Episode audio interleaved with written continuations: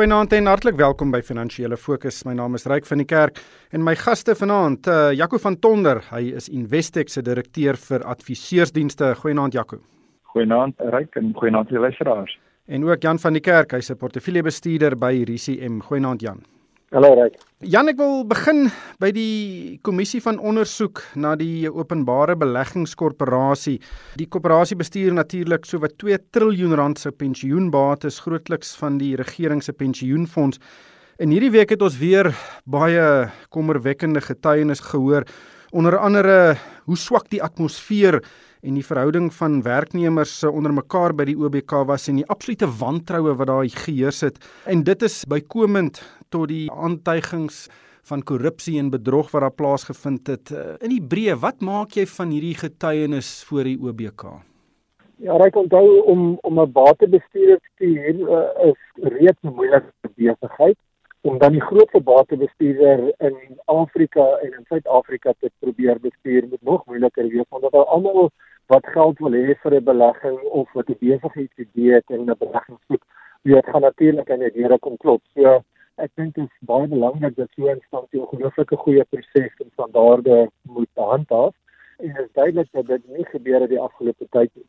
Ek dink eh, jy het vir alle batebestuurders met so groot pot kapitaal moet ordentlike besluite neem. En ek dink dis deel van wat die mense wat die verantwoordelikheid daar gekry het vergeet het. Dit is ander persone se kapitaal, dis nie die regering se kapitaal nie, maar dis pensionaars se kapitaal wat belê moet word op so 'n manier dat dit groei oor tyd.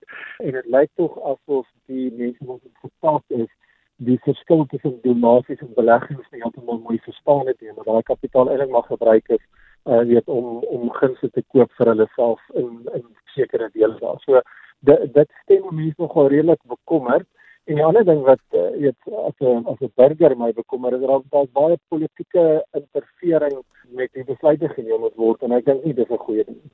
Jaco, daar is wesenlike beweringe van korrupsie en bedrog, maar die bedrag wat daarom nou nog genoem word is relatief klein in verhouding met die totale bates onder bestuur van so wat 2 trilljoen rand. Dink jy hierdie korrupsie en goed is vroeg genoeg gevang voordat dit daar nou regtig groot skade was aan aan die aan die onderliggende bates?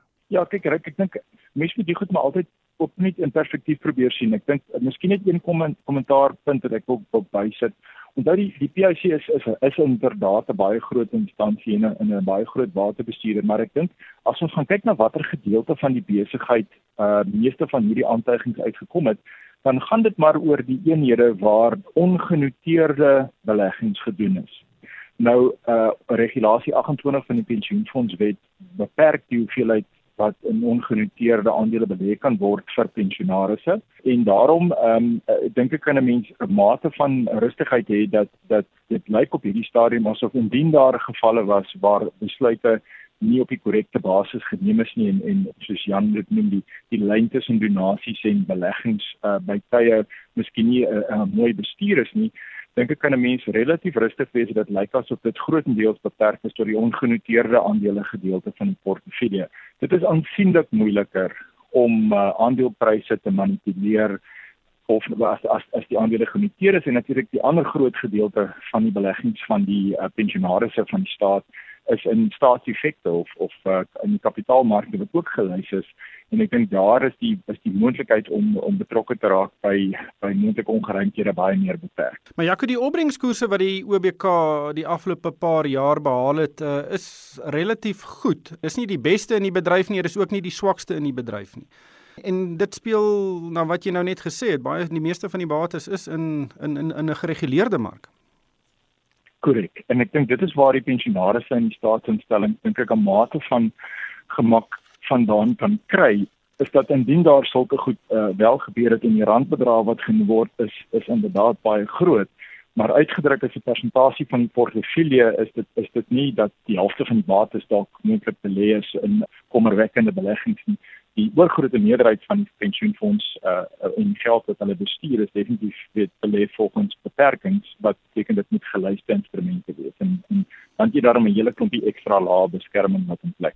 Ja, ek dink hier is 'n absolute kritieke ondersoek en en hooplik kan dit tot 'n 'n goeie uitkoms wees waar die die bestuur en die koöperatiewe bestuur binne die uh, OBK sal verbeter. Maar Jan, ons het hierdie week ook gesien hoe die Suid-Afrikaanse Inkomste Diens die belasting seisoen bekend gestel het. Edward Kieswetter, die nuwe kommissaris, het uh, meer media-onderhoude op een dag toegestaan was wat ek dink Tom Moyani in sy hele loopbaan gedoen het. En dit is baie duidelik dat uh, die inkomste diens bekommerd is oor hierdie seisoen. Hulle is bekommerd dat mense nie hulle korrekte inkomste gaan verklaar nie en hulle het selfs 'n nuwe selfoon toepassing bekend gestel wat dit regtig maklik maak. Ek het dit afgelaai en en ek dink dit gaan makliker wees as die e-indienstelsel. Wat dink jy van hierdie seisoen en en dink jy die inkomste diens het rede tot kommer dat belastingbetalers maar 'n bietjie uh, skaam gaan wees om al hulle inkomste te verklaar omdat hulle bekommerd is dat die geld uh, gemors en gesteel word? Ja, ek dink jou laaste som uh, sin som dit eintlik opbreek. Ek dink wat gebeur is dat die ekonomie is onder druk. Ons weet dat die inkomste diens reeds gaan sukkel om meer belasting te genereer. Uh die tweede ding is weet wat Engelsman noem tax compliance, so die geneigtheid van jou belasting betalers om alles in te dien, weet gaan agteruit as hulle nie vertroude belasting geld reg spandeer word nie. En die infrastruktuur in die inkomste diens is sistematies afgebreek oor die afgelope klompe jare. En dit gaan lank vat om dit weer weer terug te kry as jy persoonlik met die ontvanger van inkomste te doen gehad het oor die afgelope 10 jaar kan jy self daarmee spreek dat die hierdie kwaliteit van diens, die kwaliteit van die mense wat aangestel word en selfs hulle stelsels ja, dit baie agteruit gegaan en dit gaan nog tyd vat om reg te reggemaak te word. So ek dink nee, kies weter jy behoort bekommerd te wees oor die vele kapitaal wat hulle kry. Onthou vir die vir die land en vir die demokrasie is dit belangrik want die die belasting wat hulle invorder befonds die regering. Uh vir dit belangrik dat hulle dit reg kry. En wat ook belangrik gaan wees is filosofies hoe hulle dit benader onder meneer Gordon toe hy die inkomste diens tot hoë hoogte gelei het, was dit 'n diensvriendelike instansie waar mense weet met die ontvanger kon werk as dit drakonies geïmplementeer word, dan dink ek verloor jy die die die, die geneigtheid van betalers om dit te wil doen. Jaco, ek dink wat uh, Jan ook daar gesê het, sy laaste sin hierdie drakoniese benadering gaan interessant wees want uh, die inkomste diens is onder geweldige druk om sy begroting te behaal en ons hoop dat hulle nuwe belastingbetalers soek eerder as om die bestaande belastingbetalers nog uh, stywer te druk. Ja, kyk kyk ek dink daar's daar's 'n paar kante tot die storie. Ehm um, en ek ek, ek moet sê ek ek is ehm um, ek ben nou nie meer kieswetter se posisie nie. Ek dink hy bevind homself soos meeste mense wat van hierdie afgebroke staatsinstellings probeer omdraai, maar in 'n in 'n baie moeilike situasie. So en die feit dat daar nie groei is nie beteken dat ons gaan nie die uh voorspelde uh, belastinginkomste kry nie. Die plekke waar hulle kan gaan soek en ek dink daar's uh ons het nou gepraat oor om om dit mense wat reeds betaal en wat miskien nie al hulle inkomste verklaar nie is is weet aangedui as 'n fokusarea, maar ek dink daar's ook ander fokusareas aangekondig wat mense nie die oog uit moet verloor nie. En een daarvan is die sistematiese herstel van die ondersoekeenhede wat kyk na groot besighede. Ons weet dat daar vir 'n geruime tyd in die laaste 10 jaar hierdie funksionaliteite binne SARS om groot besighede te ondersoek en ek, ek ons verwys spesifiek na na aantuigings wat daar is rondom uh, die tabakindustrie, uh weet die sigaretindustrie waar daar sekere van van daardie uh maatskappye nie noodwendig alles verklaar het nie in die ondersoeksvermoë van SARS en inkomstediens is is is uh, onder meer Janese tyd redelik ingekort. Ons is hoopvol dat paar van daardie ondersoeke heel moontlik sal lei tot 'n uh, belastingaanklagte wat kan help om druk op Jan Alleman so effens te verlig. Maar maar ek dink uh, dit selfs dit uh, as mens dit in prentjie sit, gaan dit die volgende 12 maande definitief nie 'n maklike belastingseisoen wees nie. En ek dink dit is uh, dit is die groot taak van die inkomstediens en die kieswetter om die vertroue van die Suid-Afrikaanse belastingbetalers terug te kry dat hulle regverdig behandel gaan word en dat hulle geld wel uh, weet op 'n ordentlike manier gespandeer gaan word.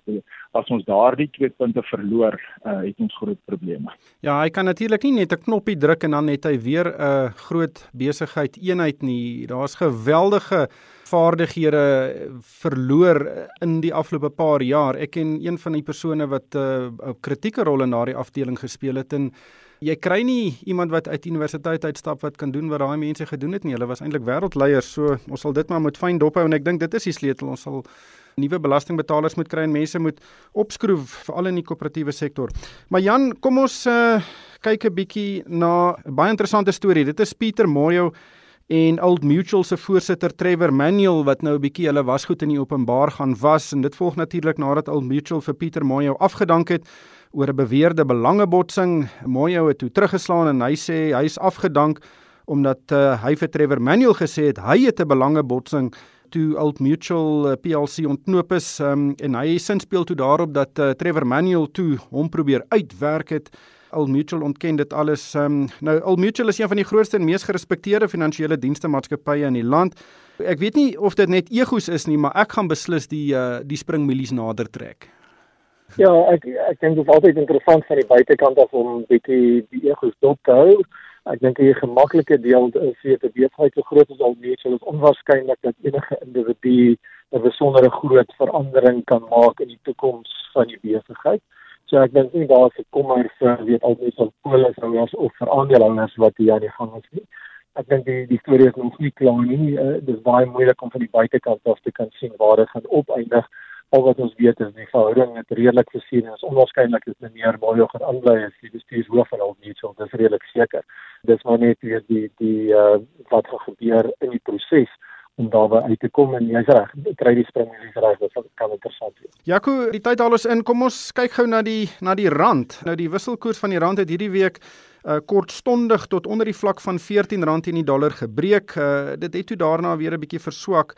Nou ek weet nie of R14 teen die dollar 'n belangrike tegniese punt vir die wisselkoers is nie, maar dis 'n uiters sielkundige vlak. Selfs my vrou het my gevra wat dit beteken en of vertroue nou terugkom in ons ekonomie en of dinge nou beter gaan wees. Hoe sien jy die wisselkoers tans? Ja, reg die die uh dit dit is omtrent lekker deur mekaar. Ek dink die die manier wat mense na die jongste beweging in die wisselkoers moet kyk is eintlik maar om om om terug te staan en te kyk na wat in die wêreldekonomie aan die gang is. Want eintlik wat ons hier sien is ons sien 'n baie swak FSA dollar en en die rede hoekom ons nou op hierdie stadium swak FSA dollar sien is maar omdat die die die groot ekonomiese aanwysers vir die groot internasionale lande uh, hou aan te leerstel en daarom is daar ewe skielik nou sprake van moontlike rentekoersverlagings in uh, in 'n paar eerste wêreld lande en ek dink die die die aandelebeurs uh en uh, het het al verslaaf geraak aan aan hierdie soort van lae rentekoers inspuitings om ekonomiese groei te probeer herstel. En wat ons eintlik maar nou sien is dat uh ewe skielik is daar 'n verwagting dat ons uh, ekonomiese inspuitings gaan kry van 'n aantal groot wêreldmoondhede wat dan kan positief wees definitief vir vir aandele en en dit natuurlik die enigste uh, bateklas wat vir wie dit nie positief is nie die FSA dollar as rentekoerse gaan verlaag en so eintlik op 'n baie lang manier het internasionale markte se huidige waardasies en ekonomiese druk op 'n snaakse manier teruggespeel met die staatse rand en eintlik maar teruggespeel na al die opkomende markte se geldeenhede toe. Uh en moet mense ook sien die beurs het redelik goed gereageer en algemeenheidsaandele het baie baie goed gedoen uh en natuurlik die rand het, het het versterk. Waarvan hy in hierdie vorentoe kan gaan is die ek ek dink dit wat nou gebeur het in die laaste 2, 3 weke kan baie vinnig ook omdraai. Uh, ek dink daar's groot verskille in opinies oor waar die wêreldekonomie en wêreldmarkte hulle self nou bevind. Sommige mense dink dat ons kan dalk kry dat uh die rekordvlakke op die S&P 500 kan selfs nog verder gedruk word indien hierdie verlangsaming van rentekoerse deurgevoer word deur eerste wêreldlande baie ander uh beleggingsspekulante sê dis die laaste spasmas van 'n bullmark wat eintlik op ver gehardloop het. So hmm. jy het baie sterk opinies al twee kante toe en ek dink hoe dit gaan uitspeel gaan op die einde van die dag die rand uh die rand baie baie definitief afgekeer. Jan, jou opinie? Ja, ek dink uh, ek sien model te sien met jou saam wat jy met in ag neem is dat kommoditeitpryse vandag is heelwat hoër as 'n jaar gelede en 2 jaar gelede en ons is 'n groot uitvoerder van kommoditeite so ons verdien heelwat buitelandse valuta daarvoor dat ons gebruik om in te voer. En uh die die tweede deel is dat ons binnelandse ekonomie is eintlik baie pap, so dit beteken dat ons invoere weer groei nie so vinnig nie. So ons het verbaasend 'n paar handels uh, oorskotte gesien in die laaste kwartaal wat gehelp het om die rand sterker te hou. En weet as daai faktore omdraai, kan jy swakker geld eenheid sien. Ongelukkig het die tyd ons ingehaal. Baie dankie aan Jaco van Tonder. Hy is Investex se direkteur vir adviseursdienste en ook Jan van die Kerk, hy's 'n portefeuljebestuurder by RCM. En van my ryk van die Kerk, dankie vir die saamluister en ek hoop almal het 'n winsgewende week.